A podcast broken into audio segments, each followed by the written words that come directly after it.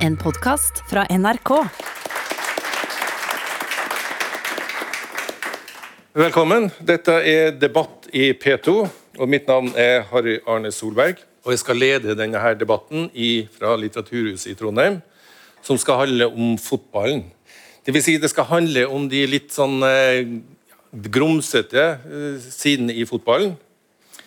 Eh, mange av oss vet jo og leser i media om at eh, mange fotballklubber sliter med røde tall, dvs. Si underskudd i, eh, i regnskapene. Og det er ikke et nytt fenomen. Eh, det er jo derfor vi har Financial Fair Play, som på en måte skal prøve å rette opp dette her.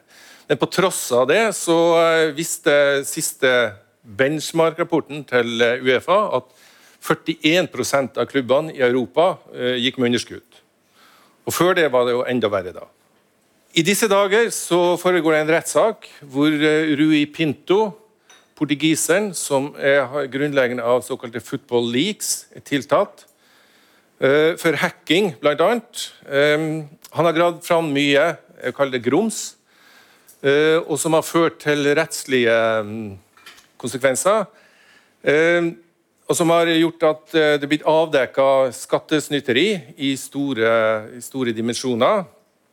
Og som har ført til at de ypperste superstjernene Ronaldo, Messi, Mourinho og en rekke andre eh, spillere, og, og, særlig da, er, dømt for skatteunndragelser. Eh, Ronaldo har vel rekorden så vidt jeg vet, med 180 millioner kroner, som han ble, eh, som blir dømt til å betale tilbake. da. Eh, mange av de har holdt til i Spania. Eh, altså har spanske eh, lov, Lovreguleringer i Spania sånn at hvis du blir dømt og får mindre enn to år i fengsel, eh, så slipper du å sone da. Og Derfor så eh, alle disse store stjernene de har fått litt under to år, da, så at eh, de slipper å bli satt i fengsel. da. Vi kan tenke oss hvis noe Messi eller Ronaldo hadde fått mer enn det og, og, og måtte sone, hva som hadde skjedd. det. Et annet fenomen som jo også får oppmerksomhet, det er agenter. Eh, som jo stikker av med store penger. En, en Uefa-rapport eh, nylig viste at agentene sitter igjen med ca. 13% av årgangssummene. Men det er veldig sterk konsentrasjon. Det er sånn at 6% 6% av disse overgangene utløste mer enn 50% av utbetalingene. Og Rekorden, igjen ifølge disse her eh, Football Leaks-kildene, er da at én overgang, eh, og det skal da være når eh, Eh, Pogba gikk til United, utløste en, en utbetaling til agenten til 450 millioner kroner. Eh, vi har tilfeller hvor, eh, hvor, agenter representerer flere aktører, spiller og klubb, hvilket er ulovlig i veldig mange land. Og Noe som er alltid ulovlig, er at, at, at en agent representerer begge klubbene. Og I disse her avsløringene til Football League så var det bl.a. en sak som viste at da Rosenborg kjøpte Nikki Bille, så engasjerte de en agent eh, og trodde var, han opererte bare på vegne av dem. Men etterpå så kom det frem at agenten da hadde også representert Villarreal. da. Og når jeg skutter med her, så vil jeg si at det var før hans tid. da. Etter, eh, etter. Vi, etter hans tid, unnskyld. Eh, vi hører historier om agenter som flytter spillere, som gagner dem selv. Haaland-saka fikk jo en god oppmerksomhet. Ifølge media så bøy Manchester United fire ganger så mye som Dortmund, men det gagna agenten da bedre at han gikk til eh, Dortmund. da. Sportsvasking er et annet fenomen. Eh, eiere i Midtøsten som, eh, som, kjøper opp klubber for å eh, pynte på et frynsete renommé. Ja, det, det, er mye annet vi kunne ha diskutert, da, men, men jeg tror vi holder oss til det. Så Dette er da utgangspunktet for debatten. Så vi stiller en del sånne spørsmål, nemlig hvordan står det til da med det vi kaller forretningsskikk innen fotball? Og For å drøfte dette her, så har vi da med oss Nils Skutle, som, er, som sikkert alle vet, tidligere styreleder og direktør i Rosenborg. Til sammen 19 år i klubben. Og Han var også styremedlem i, i European Club Association, ECA, og møtte alle disse her eh, store folkene, eh, Rominigge osv. Og, og I, 19, i 2013 så ble Skutle tildelt Kniksens hederspris for over tid å ha gjort en særdeles, eh, eller særlig fortjenestefull innsats i og for norsk fotball. Nå er han tilbake i manesjen igjen, eh, som medlem av styret i, i RBK Kvinner. I tillegg så har vi med oss Peter Henriksen Ringstad. Han skal være på link. da. Peter jobber til daglig i Tax Justice Network, sin avdeling i Norge som da er Norges fremste interesseorganisasjon på analyser om skatteparadis og finansielt hemmelighold. Og som var, en organisasjon han sjøl var med å stifte i 2010. Da. Og Han er en av Norges fremste eksperter på uh, politisk utvikling rundt internasjonale skattesystemer. Uh, og han er interessert i fotball og har jobba bl.a. Med, med analyse av skatteunndragelser, som disse fotballstjernene står for. Da. Eh, så da tenker å gi ordet til Nils, som jo kan kommentere det første som jeg nevnte, nemlig det med disse røde tallene innen, innen fotball. Som jo har vært en gjenganger i år etter år etter år, og som er litt bedre pga. Financial Fairplay, men fortsatt eh, dårligere vil jeg si, enn ellers i næringslivet. Og, og hvilke tanker, hvilke, Hvorfor? Kan du reflektere, tenke litt høyt om hvorfor er fotballen slik? Ja, du har jo spurt meg om det, og det, jeg vet ikke om det er noe enkelt svar, men jeg kan jo si litt om hva jeg tenker om det. Altså, for det første så er jo, Selv om fotballen er 100 år gammel, kanskje litt mer, eh, så er jo fotball som industri altså business veldig ung, egentlig. Eh, det store oppsvinget kom eh, etter de ulykkene i 85 og 84, hvor Liverpool var med begge ganger, hvor det begynte å bli en god del stadionutbygging i England som følge av det. Og så er det jo teknologien med hvordan du kan distribuere TV først, da. Eh, som gjorde at eh, Og det kan jo du mye om. altså hvordan en, eh, prisene på TV-rettighetene økte og økte og økte, som gjorde at det kom mer penger inn i det. Og så har jo eh, det er kommet investorer inn i fotballen som jeg tror ser på det å investere i fotballen på litt annen måte enn å investere i annen business. Ehm, de eh, stiller kanskje litt mindre krav til avkastning eh, av eh, pengene sine. Og de gjør det kanskje av ulike andre grunner enn å tjene penger. Ehm, og det har vi jo sett i en del klubber i England og egentlig rundt omkring i, altså overalt i alle land, egentlig, hvor uh, det kom inn, inn, inn, investorer. Og jeg tror at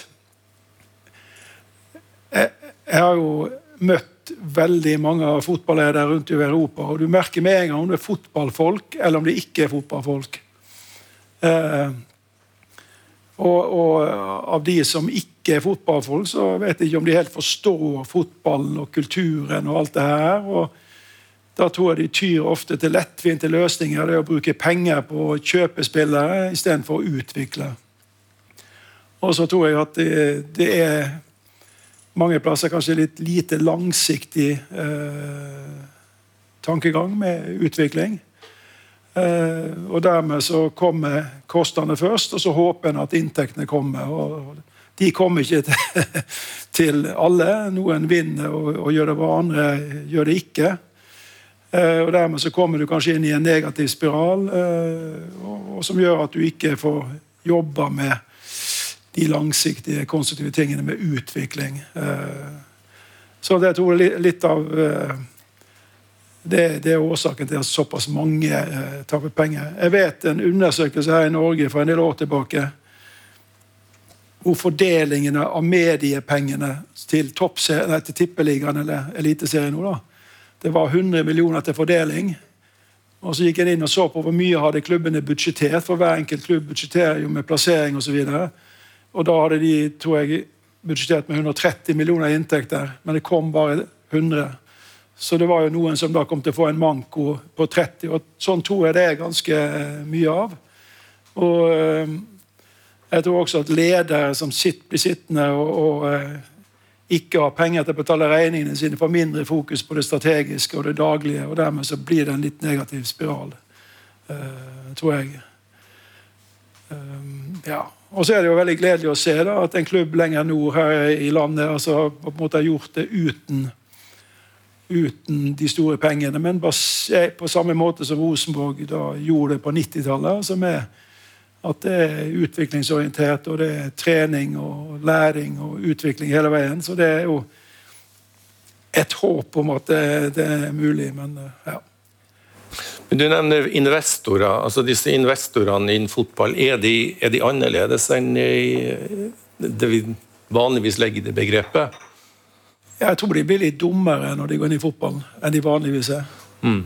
Altså det, De gjør det av andre grunner enn å tjene penger. Og jeg, og jeg, kjenner jo noen som har gått inn og kjøpt noen større klubber i, i Som jeg eh, opplever at de har kanskje hatt et litt naivt forhold til det. Uh, men, men uh, du, du, ser jo også i England hvor folk fra Qatar og Saudi-Arabia og amerikanere kom inn. og, og Amerikanerne har kanskje gjort det mest for business, da, men oppdaga at Europa var helt annerledes enn USA. Mens de araberne har kanskje gjort det mer ut ifra andre, andre. De har hatt så mye penger at de kunne gjort det for å bli synlige og komme på ærestribunen på stadion i England, tror jeg. da. Ja, Det er et begrep som går igjen, nemlig sportsvasking. At, uh, at man kjøper seg på en måte goodwill og får oppmerksomheten bort fra en del ting som man ikke vil uh, ha så mye fokus på. da. Ja. Uh, men det følelser med i spillet også. Er det en del Ligger det noe der at man den følelsesmessige komponenten av å gjøre det sportslig bra er så viktig at man liksom glemmer på en måte finansielle resultatene? Ja, jeg tror det at altså det med å, å, å, bli best og det å få kjøpe en spiller og da, da, da, slipper en del folk alle vanlige økonomiske og, og betraktninger. altså de, de, blir litt sånn i rus, egentlig. Mm. Og så tar den ene og den andre. Det er, jo, det er jo det som er grunnlag for at at uh, prislappene på de spillerne er jo blitt helt mm. syke, spør du meg. Mm. Det er ikke ulovlig å gå med underskudd. Det er ikke heldig, men det er ikke ulovlig. Eh, men Peter, de tingene som eh, du har dykka ned i, de, eh, de på, mye av det er på hinsides det som er lovlig. Vi snakka om skatteunndragelser, og det er jo din hjemmebane. da. Ikke fordi at du driver med det, men det er fordi at du driver og analyserer det. Ja, Nei, altså Det er jo ikke primært en eh, fotball, eh, meritterte fotballbakgrunn jeg er invitert inn for. Jeg har en kort historie som høyrebekk i åttende divisjon, men utover det så har jeg ikke så mye jeg kan skryte av.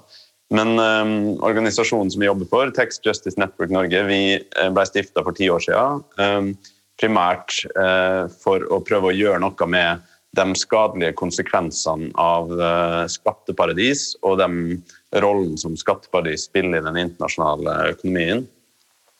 Og det er jo konsekvenser som rammer egentlig alle, alle deler av eh, økonomien og næringslivet. Ehm, men som eh, en person som har hjerte for eh, fotball, så har jo jeg på en måte hele veien fulgt de problemstillingene vi jobber med, med et, blikk, med et ekstra blikk på hva som rører på seg innenfor fotball og fotballøkonomi.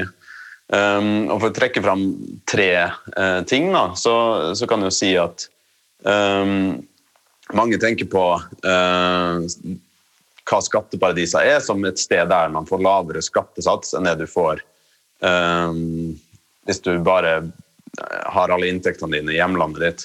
Og Det er delvis sant, men det er et litt mer sammensatt bilde enn det. men Skatteunndragelser er definitivt eh, en måte eh, fotballøkonomien eh, på en måte har oppdaga skatteparadisene gjennom og sett et potensial. Og da tror jeg at man er inne på noe av de tingene som Nils snakker om. At man ønsker bare å tiltrekke seg de beste spillerne. Og hvis du ikke har altså Spillerne og agentene ser nok på hva de får igjen Eh, etter at skatteseddelen er betalt.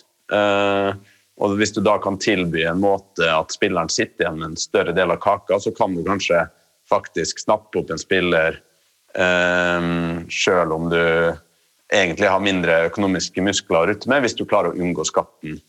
Um, og det ser vi gjentatte ganger. Du har vært inne på Football League, og det vi har sett i måten spillere som Ronaldo og Messi har strukturert inntektene sine på, Det de typisk har gjort, er at de har selvfølgelig en kontrakt med en lønn for det de skal gjøre rent sportslig på fotballbanen. Og det utbetales jo da stort sett i de landene der de spiller, der klubben er. Men i dag så er på en måte verdiskapninga til en fotballspiller eh, går langt utover det som skjer eh, i kamp og på fotballbanen. Og eh, noe av de største verdiene er knytta til eh, rettigheter for å opptre i reklamer, eh, bilderettigheter, navnerettigheter eh, og sånne ting. og, det, og det her er immaterielle rettigheter som skatteparadiser har spesialisert seg på å lage gunstige skatteregimer for. Så da er det folk rundt spillerne som sier at uh, du bør uh, opprette et selskap, uh, eh, f.eks. på de britiske Jomfruøyene, som uh, bl.a. Ronaldo hadde gjort. Um, og så gjør vi avtaler med selskapene om rettighetsbruk. og det ja, er da gjerne avtaler som blir gjort med et selskap i et litt mer respektabelt land. For Ronaldo sitt Eh, vedkommende, så var det et selskap, eller flere selskap i Irland. Eh, men de selskapene igjen har avtaler med da, disse bakenforliggende skatteparadiselskapene eh, på britiske Jomfruøyene, der pengene da til slutt tilfaller ja, selskaper i de skatteparadisene, men som da står på konto i en bank i, i Sveits, i Ronaldos tilfelle. Så Skatteunndragelser er på en måte et område der du ser at skatteparadisøkonomien har virkelig tredd inn i, inn i fotballen. Og den type rettighetsmisbruk, da, eller skattemisbruk, eh, har vi omfattende eksempler av gjennom den lekkasjen Football Leaks som du var inne på, Harjarne. Og så kan vi jo jeg tenkte å nevne to eh, andre områder der skatteparadisene vil jeg si gjør skade på fotballen. Uh, Men kan jeg få stille et spørsmål? Eh, det er jo sånn at holder, du er ekspert på det her, men vi andre må liksom følge med, gå litt saktere i svingene. Det du snakker om nå, er det det såkalte image rights som blir flytta til disse skatteparadisene? Ja, bilderettigheter, men egentlig så er det nesten ikke grenser for hvilke type eh, ting som du kan knytte rettigheter til. Eh, altså stemmebruk, Eh, på, I Guernsey, som er et skatteparadis som har spesialisert seg på denne type rettigheter, så er til og med kan du uh, rettighetsbeskytte bruk av silhuetten din.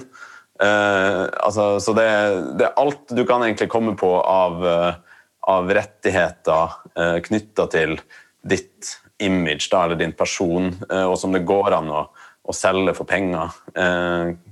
kan du da gjøre om til en Eh, til en sånn immateriell rettighet, og, og, plassere den rettigheten i et selskap eh, i et skatteparadis. da. Men det som eh, Messi f.eks. tjener Barcelona, det må han skatte for på vanlig måte i, i, i Spania? Er det sånn? Ja, altså Egentlig skal man jo skatte av eh, også disse bilderettighetene. da. Eh, for du kan jo si at det er jo en verdi som oppstår som følge av at du eh, spiller fotball et sted. Eh, så det er jo ikke sånn at verdien som oppstår rundt Messi og Ronaldo som, som reklameplakater, kan du si, oppstår i, i land som de britiske Jomfruøyene. Så det er jo derfor spanske myndigheter, når de har funnet ut av det her, har, har, har, har gått til sak og vunnet fram med disse tingene. Men det er mye lettere for myndighetene å sjekke de kontraktene som jo uh, ligger til grunn for lønnsutbetaling, uh, enn alle mulige andre sidekontrakter som, som går for alt fra TV-opptredener til reklameinntekter osv. Så det er bakgrunnen for at det er særlig den type inntekter som man har sett har blitt kanalisert til selskaper i skatteparadis. Um, men uh, noe av det store problemet med skatteparadis også er jo da at man kan opprette selskaper der som uh, det er nesten umulig å få uh, god informasjon rundt økonomien i de selskapene fra utsida. Um, og som dere har vært inne på allerede, så er jo fotballen et område der det kommer investorkrefter utenfra og ønsker å, å kjøpe seg inn. og for, Fra fansens side så er det jo store forventninger knytta til det her. Man uh, håper på gull og grønne skoger, at nå skal vi få inn liksom, Mbappé og, og, de største stjernene. Bare disse rikingene kommer inn i klubben vår.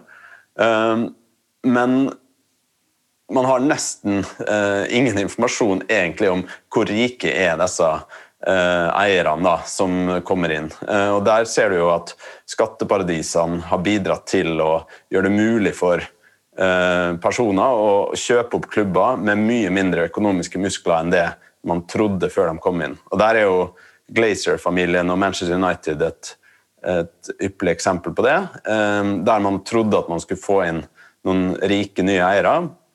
Men det viste seg at man hadde, altså Glazer familien hadde lånt opp penger um, for å kjøpe United. Uh, og når de hadde da fått kontroll over United uh, gjennom flere lag med selskaper på Cayman Islands og uh, to selskaper i Storbritannia, um, så dytta de gjelda som de hadde tatt opp for å kjøpe United, ned på, egentlig på klubben.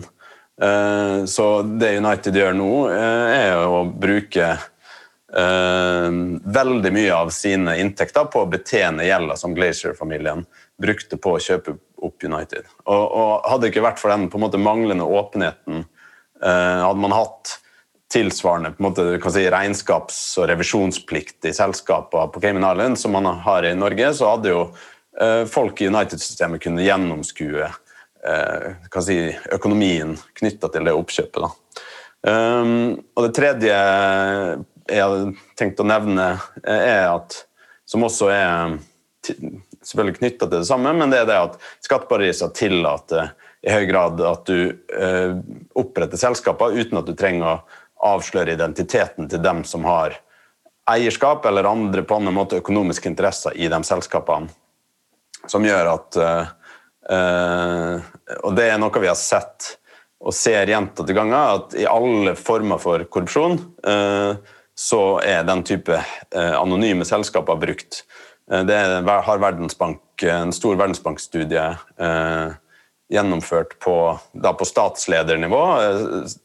har gått gjennom alle, alle, saker av stor korrupsjon i, i de siste tiårene. Og i, ni av ti tilfeller så er det da kontrakter, fiktive kontrakter med sånne anonyme selskaper som eh, brukes som metode for å ut, gjøre da, eh, få ut korrupsjonsbetalinger.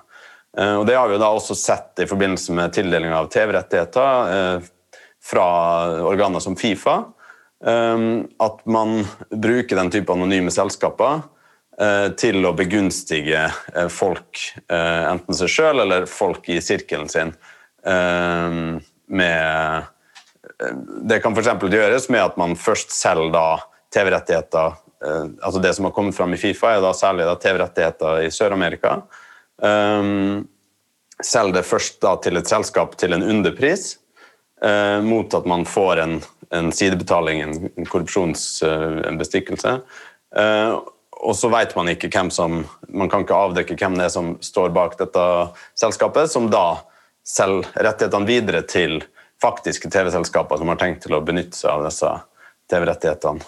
Så der også ser vi da en, eh, en, eh, på en måte hvordan skatteparadisene har på en måte tilbyr tjenester som er med på å ødelegge for fotballen. Da. så det var ja, et lite sveip. Um, er fotballen eh, Vi hadde jo der Før Football League så kom jo der Panama Papers. da. Eh, er fotballen annerledes? Eh, går, den lenger, går man lenger i fotballen med liksom å kalle jukse og skatteunndragelser enn en, en andre aktører i næringslivet? da? Har du noe inntrykk av det?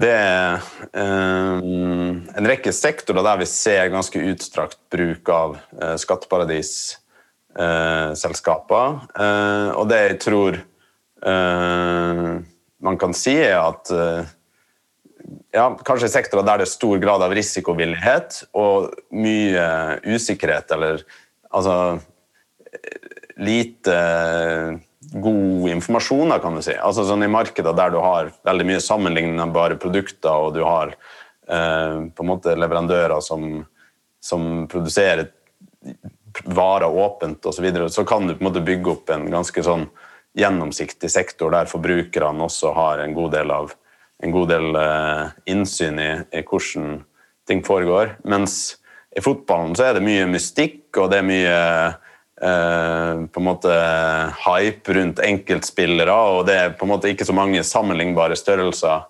Um, og det er mye følelser, da. Uh, og da blir det mye rom for å manøvrere for uh, den type aktører som agenter og andre som, som har vært liksom, flinke til å spille klubber opp mot hverandre, f.eks. Og, og utnytte manglende kunnskap hos unge spillere, da. Som tror også et viktig, viktig poeng. Jeg tenker på det at det, er jo en, Hvis du ser på fotballen som en næring, så har den jo ganske sånn, sånn historisk da, veldig kort fartstid. da. Eh, om, det gjør at man da har eh, færre eller dårligere utbygd eh, si, kontrollapparat enn, det du har innen andre næringer, eller generelt da, i næringslivet. da. Og at I tillegg så er det jo som jeg ser det, en del amatører, tidligere spillere, som tar over klubber. Da. Så De kunne være gode på banen, da, men de er kanskje ikke nødvendigvis de beste til å lede klubber. da. Har du gjort noen tanker om det? Da? Jeg vil jo si at uh, det har nok uh, en del å si det at det er en såpass fersk næring, og at uh, Men fra vårt perspektiv, en av de næringene som, som vi oftest ser problemer med, er jo råvareindustrien. og særlig da oljesektoren og og andre sektorer, ja, gruvesektoren, der man har på en, måte, en høy grad av begrepet lutability, altså der man i stor grad på en måte kan eh, plyndre ressurser, kan du si. Um, og det er jo ikke en ny næring, men tvert imot noe vi har drevet på med siden, liksom, siden jernalderen, å hente opp ting fra bakken. Uh, men jeg tror det du kan si, er at uh, en parallell der er jo det her med um, dem som har tilgang til råvarene i denne økonomien her, da, er gjerne ikke profesjonelle. Og, og når det kommer til uh, olje og, og, andre mineraler, så er det, det kanskje lokalsamfunn, det er kanskje noen som har privat grunn der det er funnet rike forekomster av noe. Og så plutselig oppdages det her, og så kommer det da eh, oljeselskap for eksempel, fra hele verden med kontrakter, og, og, og, da er det veldig lett å bli lurt.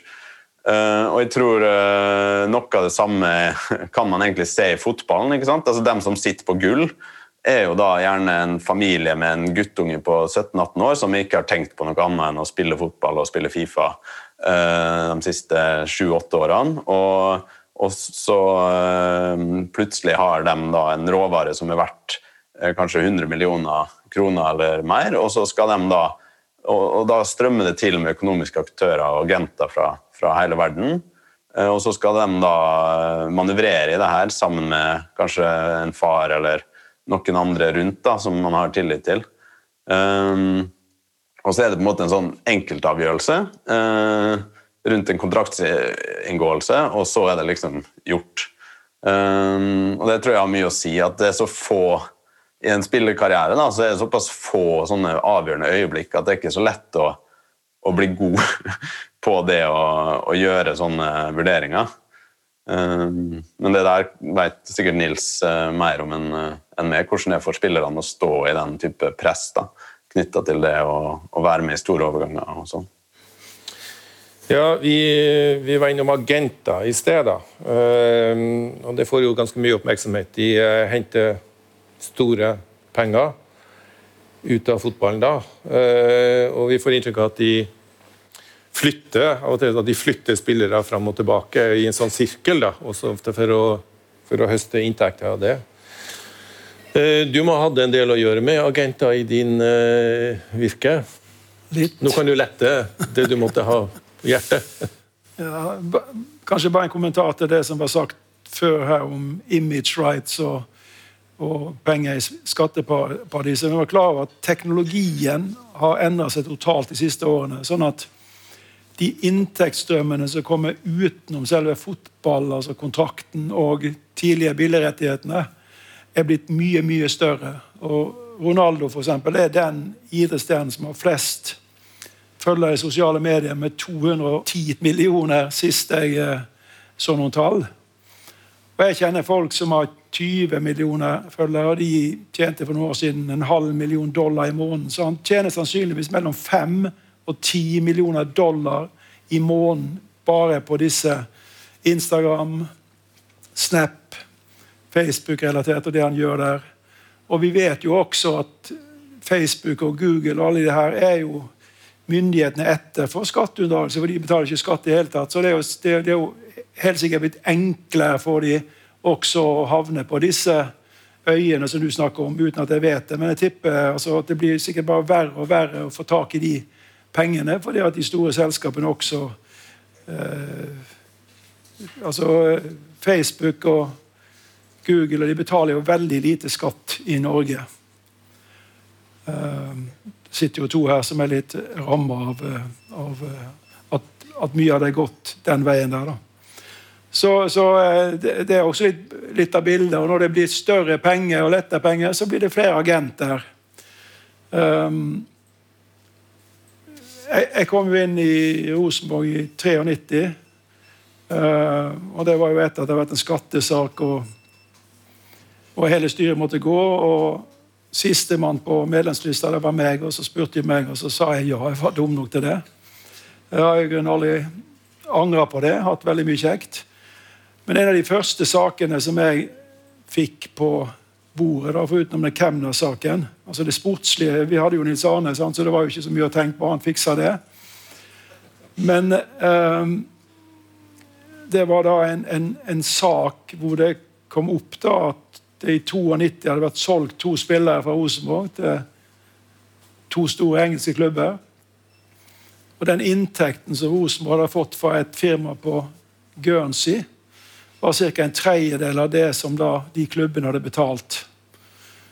Og Rosenborg hadde da en eh, avtale med en eh, klubb som en hadde kjøpt en spiller fra, og som oppdaga det, og som skulle ha 30% av det. og Når de fikk da beskjed at de sendte 30% av den en tredjedelen, cirka, uten at jeg husker nøyaktig, så hadde de lest i avisa at det var tre ganger så mye, så de ville ha mer penger. og Så ble det en rettssak ut av alt. Det er jo kjent, har stått i, i media, men jeg trenger ikke nevne navn. da for det. Men, eh, men i alle fall så fikk jeg litt innsyn i, i, i hvordan det der var. og det altså, Hvorfor skulle det brukes firmaer på Guernsey og hele veien eh, rundt her? og Det har på en måte prega litt mitt syn på agenter. Eh, det er helt sikkert noen agenter som er skikkelig ordentlige, og, men jeg tror ikke de er de største agentene.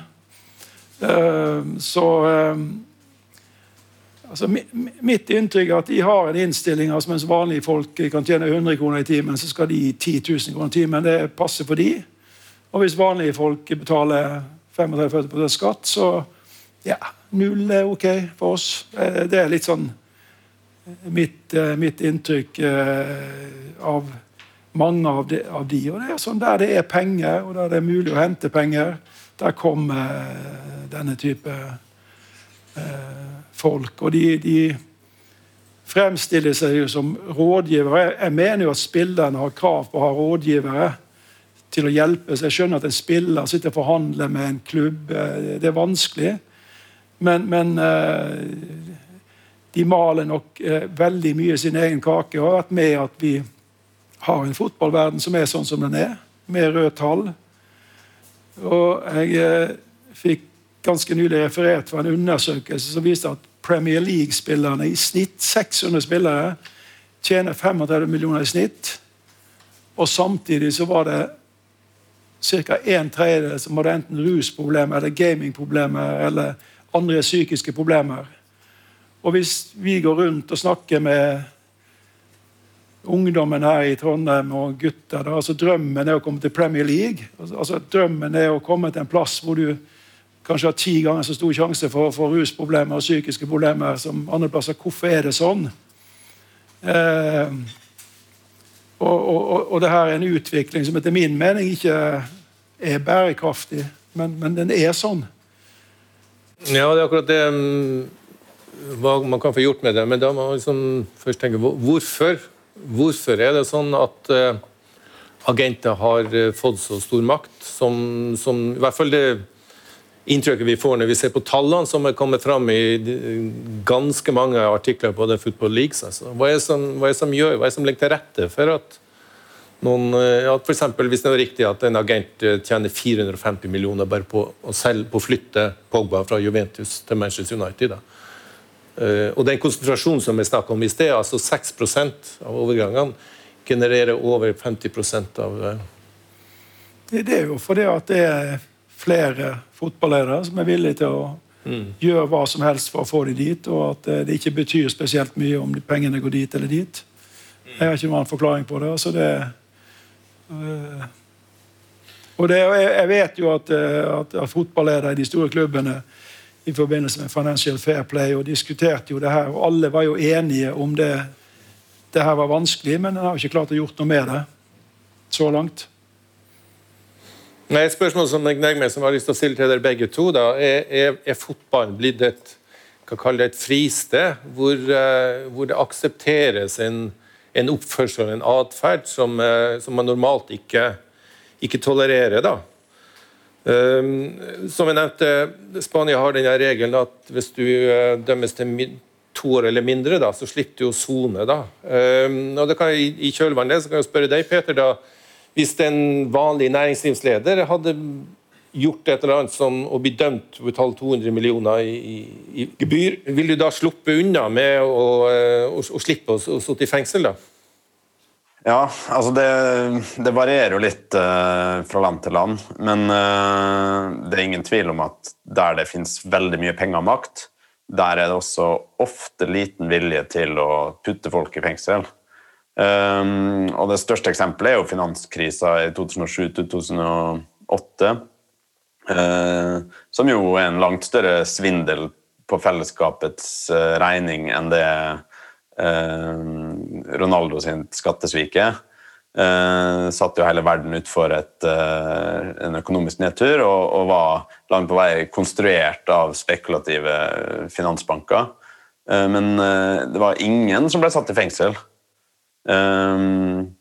Og mye av det handla jo egentlig om at man ikke turte å gå etter så, så mektige folk. Altså man, man inngikk forlik og, bøt, og ga bøter. og og, og gjorde avtaler. Um, så, um, så, der tror jeg det, det er ikke noe unikt det at mektige og rike slipper unna, men det er klart at uh, det er få som også er så høyt idolisert som det disse fotballspillerne her er i Spania. Uh, så det, det, er klart at det er veldig få uh, mennesker som har så mange som vil på en måte i utgangspunktet beskytte dem, da, eller som vil eh, springe til deres forsvar. Det gjør det nok ekstra vanskelig å uh, sette dem i fengsel. Um, helt klart. Um, men så vil jeg også kommentere på det her litt sånn litt sånn dystre bildet som vi tegner, da. Um, uh, og det er jo at, uh, som vi har vært inne på, vi har hatt en, en, en stor på en måte egentlig et jordskjelv Eh, som har gått gjennom idretten pga. Football Leaks, da, som er eh, resultatet av eh, så vidt jeg vet, en portugisisk eh, hacker eh, som har eh, skaffa eh, opplysninger og kontrakter og dok dokumenter på av enorme dimensjoner som han har delt med journalister. Og, og, i tillegg også om Eh, presidentfamilien i Angola og, og, og, ganske mange forskjellige mektige, rike aktører. Eh, men eh, så diskuteres det om han bare hadde hederlige hensikter, og sånne ting, og det skal ikke gå, gå, inn i, men det er ingen tvil om at den åpenheten som han på en måte brøyte opp da, med de handlingene han gjorde, har jo skapt en, både en debatt i fotball, men også ført til konkrete eh, forbedringer. Altså, sånn, vi kan jo si at det er ille sånn som det er i dag, og det, det er det, men nok av det som ble eh, avdekt, er f.eks. den utstrakte bruken av det som kaltes TPO-avtaler, Third Party Ownership. Og det er at istedenfor at det er klubbene som eier spillerne, så kunne, man, kunne agentene selge eh, spillere til bare investorer, selskaper som er, da også da, var plassert i, i skatteparadis, stort sett, eh, uten at det her var egentlig kjent for, for noen andre enn måte, dem som hadde inngått de eh, kontraktene. Eh, og disse Investeringsselskapene kunne jo da eh, ha kontrakter der de kunne bestemme egentlig når disse spillerne skulle bli solgt. For enkelte nederlandske klubber så var det nesten halve førsteelveren til Tvente f.eks. var jo på den type kontrakter som gjorde at de kunne de hadde ingen kontroll egentlig over når de kom til å miste sine viktigste spillere. Eh, det var blitt rene sånn spekulasjonsobjekter for eh, utenforstående investorer. Det er jo klart at det, det her er jo totalt ødeleggende for den type idrettsledelse som Nils snakker om, som Bodø-Glimt står for. Da, der du har liksom en, en, organisasjon som kan jobbe med et lag og, og, ta beslutninger basert på hva som funker for laget. Uh, og Den type third party ownership-strukturer har jo de fleste fotballforbund forbudt som følge av avsløringene i Football Leagues. Så jeg tenker at Det viser jo at åpenheten eh, som, som kommer med Football Leagues, i hvert fall til en viss grad Eh, har ført eh, til forbedringer. Uh, men jeg tror at det er veldig mye som gjenstår, og særlig også på Financial Fair Play-regelverket, etter at Manchester City vant fram i den dommen, som vi sikkert kunne også snakka en del om. Ja, du er inne på Manchester City, da. Um, det jeg lurer på, er det sånn at um det er sånn at følelsene tar over. at vi En ting er jo det juridiske domstolen, men det er jo folkets domstol. At vi på en måte aksepterer mer når det gjelder De har tross alt våre helter. Jeg husker selv jeg uttalte meg til Aftenposten i forbindelse med Manchester City-saken da, og sammenligna det med at du uh, kjører 150 km i timen, så får du 50 kroner i bot. da så fikk jeg en skikkelig overhøvling på e-mail da, fra en eh, jeg tror han var supporterleder fra Manchester City. da, Hvem jeg holdt med, om det var United eller Liverpool. eller hva det måtte være. Men at, at vi på en måte poenget at altså, Ser vi mellom fingrene med og det kan jo spørsmål gå til dere begge to, da, ser vi mellom fingrene med, i større grad med ting som eh, er ulovlige, eller i hvert fall i gråsona til å være ulovlig, da, si at tross alt det dreier seg om våre helter. det er vel alle fotballinteresserte har et engelsk lag, eller noe som begynner å bli spanske lag som man holder med? da? Ja, det, det er jo helt klart at uh, det som til slutt genererer alle inntektene, er jo sluttbrukeren. Sant? Enten via se på TV, eller gå på kamp, eller kjøpe utstyr, eller være i sosiale medier. Og det, og det Jeg tror jo at eh, uh, Liverpool-fans eller City-fans er villige til å gjøre veldig mye altså, og blø for det. Også. Og eh, i, det, i, det, tilfellet med City så var jo det en av de første sakene som kom opp når jeg begynte å diskutere Financial Fair Play. og det jeg føler meg ganske sikker på at det Uefa eh, gjorde, at de hadde grunnlag for det. Men de har jo de mest skarpskodde advokatene i verden, sant? og da kan alt diskuteres.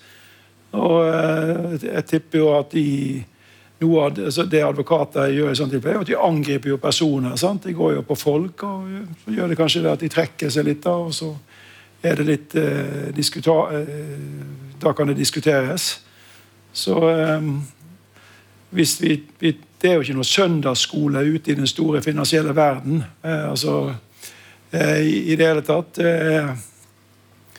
det er en, en, en en kamp, akkurat som det ja, Vi har jo sett Trump, da, åssen han opptrer. Altså, det er jo og, Sånn er det i, i finansverdenen, og sånn er det i den delen av fotballverdenen tror jeg. Så, men, men, men det, skal det bli en endring i hele systemet her, at ting blir mer bærekraftig, så er det noe som fansen eller sluttbrukeren må eh, gjøre noe med for at ting skal endres. Altså, hva aksepterer vi, og hva aksepterer vi ikke? For hvis det bare er greit og godt laget mitt vinner, så ser jeg mellom fingrene på alt. Eh, så eh, har en jo en utfordring, tenker jeg da. Hvis vi kan uh, legge til litt der, altså, så tror jeg du er inne på et viktig poeng når du snakker om følelser. og um, En fotballklubb er jo en uh, interessant hybrid, fordi på den sida så er det et selskap ofte. Men uh, på den andre sida så er det måte, et lokalsamfunns stolthet. Det er uh, noe supportere brenner for. Uh, det er lojalitetsbånd som gjerne går liksom, fra far til sønn gjennom generasjoner. Um, og, og, dette her er jo da folk, fansen, som er villige til å backe klubben sin også når det går økonomisk dårlig, f.eks. Ehm, det som er problematisk, er når disse to helt ulike tingene møtes. Ehm, når du kan investere eller spekulere i et objekt eh, som har så mye på en måte menneskelige følelser tilknytta til seg. Um, og Nils var inne på det her med finansverdenen. og Innen finans så har man et begrep som kalles for moral hazard, og det har vi jo Eh, bl.a. fått se med finanskrisa, der at eh, man har sett at de store finansbankene tok en risiko og opplevde at når den risikoen på en måte slo ut, at de tapte og egentlig gikk konkurs, så kom da staten inn og redda dem. Um, og den vissheten om at du kan ta høy risiko, og at noen kommer inn og redder det dersom det går dårlig, uh, den fører til en mer risikovillig uh, handling eh, framover. Um, og det tror jeg er noe man ser også i klubber. At man, uh, man tenker at liksom, ah, her er det høy risiko, uh, men man gir gass likevel, og så går man kanskje på, uh, på trynet, men så på måte så kommer lokalsamfunnet til unnsetning og spytter i penger og liksom opp igjen. og det, når, når man har investorer som kommer fra utsida og ser den dynamikken, så er det klart at da ser man at ok, her er det, vil, her er det muligheter å, å, å, ta høy risiko og likevel uh, slippe unna med det. Um, så det er en sånn selvforsterkende effekt som vi tenker uh, er veldig synd, og som vi må liksom være obs på. da. For jeg tror liksom fansen sin rolle er egentlig nøkkelen hvis man skal klare å få en mer sånn bærekraftig økonomi og, og modell rundt toppfotballen. Uh, vi begynner å nærme oss slutten, da, men uh, til slutt så vil jeg ha dere til å reflektere litt. og et, uh, Vi har for vært litt inne på det. det med tenker på muligheten til snarveier. Er det, er det på en måte en sånn drivkraft i det her spillet som gjør at man aksepterer både å ta snarveier og, og kanskje begår, lov, begår lovbrudd, eller i hvert fall operere i gråsoner. At det er pga. at det her kravet om, om sportslig suksess. Altså I den sportsøkonomiske litteraturen der jeg befinner meg, så snakker vi om fansen som de sosiale eierne av klubben. Altså De har ikke noe formell makt, men står de sammen, så har de veldig veldig, veldig stor makt. da. Om det er en drivkraft som på en måte skiller fotballen fra annen næringsvirksomhet? da. Altså Det er sånn som jeg har opplevd det, så, så tenker jeg at en har som utgangspunkt å følge de lover og regler som, eh, som gjelder eh, der nede. Men det er klart at de, fotballen er jo internasjonal. Eh, og det er ikke alltid at det er et klart svar på at du skal gjøre det sånn eller sånn. Så det kan jo diskuteres f.eks. hvor skatten skal betales. Hvis det er en spiller fra ett land og kommer fra et andre land og skal til det tredje land, så vil alle de landene hevde at den skatten skal hit. sant? Eh, så eh, det, det, det, kan jo eh, være at en ut, utfordrer og prøver å finne en løsning som er mest optimal på det. Da. Men ellers så mm. Iallfall Av de klubbene jeg kjenner, så iallfall i Norge, da, som jeg kjenner best, da, så tror jeg det er ganske Hva tenker du om det, Peter? Men skatt og vilje til å betale skatt det handler jo også om etikk. da. Er det annerledes eh, innen fotballen, eller knytt, tilknytning til fotball, enn, det du ellers ser? da? Jeg tror det, mm, det handler mye om uh, altså Den type normer danner seg jo i kan si, i de uh, menneskene man har rundt seg. da. for når det kommer til spillerne, så er nok de omgitt av ganske mye rådgivere av ymse slag. Og, og de holdningene som, som uh, råder blant dem, tror jeg er veldig utslagsgivende for, for hva spillerne velger å gjøre. og der er det nok sånn at har du hatt f.eks. agenter veldig tett på det, som en også type rådgiver som agenter av den typen som eh, som vi har hørt om, da, som eh, er liksom de eh, agentene til Pogba og eh, Raiola og dem på en måte mest eh, De som pusher grensene lengst, så er nok det også eh, folk som er risikovillige, kan du si, og villige til å ta snarveier også på skatte, skattesida. Så det må nok balanseres eh, med et eller annet. Og der tror jeg at man trenger å tenke litt sånn hvordan man kan få på plass noen løsninger som, eh, som kan hjelpe spillerne til å vite hva som er vanlig og ikke vanlig, og rett og galt og sånne ting. Så det, det kan være Der tenker jeg at både mye større åpenhet rundt uh, kontrakter og klubbøkonomi og sånn, men også eh, kanskje f.eks. En, en mye tydeligere rolle for spilleforeninger eller rådgivere som går, går gjennom spilleforeninger. Altså at man må få inn noen aktører som har en langsiktighet eh, knytta til dem, uh, de forhandlingssituasjonene som, som, spillerne og klubbene står i. Uh, sånn at ikke på en måte alle aktørene uh, har liksom som primær motivasjon en, en, en rask gevinst, kan du si. Men, jeg, men jeg, jeg, tror at litt av utfordringen her blir at mer og mer av inntektene går utenom klubbene.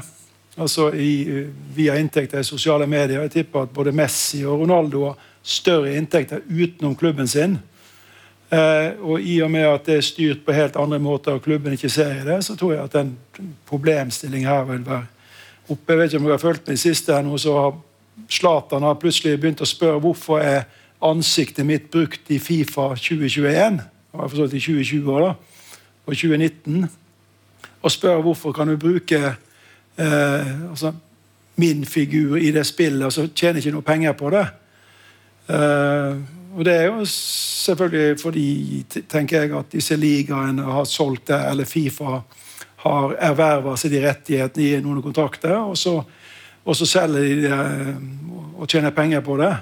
Men, men, det blir jo det neste nå. Sant? Når spillerne da finner ut at de ikke tjener noe på det, så skal de jo så vil de i tillegg til de 600-900 millioner han, han, eh, Ronaldo tjener der, Zlatan, så er det klart at det er jo fint om man kunne få en 200-300 millioner til i året. Sånt, eh, sånt, sånt, eh. og det er jo vi som betaler for det. Jeg har en sønn som spiller, så jeg ser jo hva som går ut av kontoen. Og, og, og tikker der. Så jeg, tror at det der problemet der kommer bare til å bli bli eh, større og større. Og det er utenom altså fotballklubbene. Fotballklubbene har lite med dem, mer og mer. Agentene blir prestet utenom. Så jeg er ikke noe spesielt optimistisk med hensyn til hvordan det her blir. Får håpe at det blir bedre enn kvinnefotball, men hvem vet. Da svarte du egentlig på det jeg hadde tenkt å spørre om til slutt. da. Um, men jeg tror siste ordet er ikke sagt i denne debatten. der. Jeg er spent på, Hvis vi sitter her om ti år, da, er det noe blir noe bedre eller verre. da. Eh, jeg har en mistanke om at det ikke blir det. da. Men, det blir verre. da sier jeg takk til deltakerne. Eh, og takk til publikum. Du har hørt en podkast fra NRK. Hør flere podkaster og din NRK-kanal i appen NRK Radio.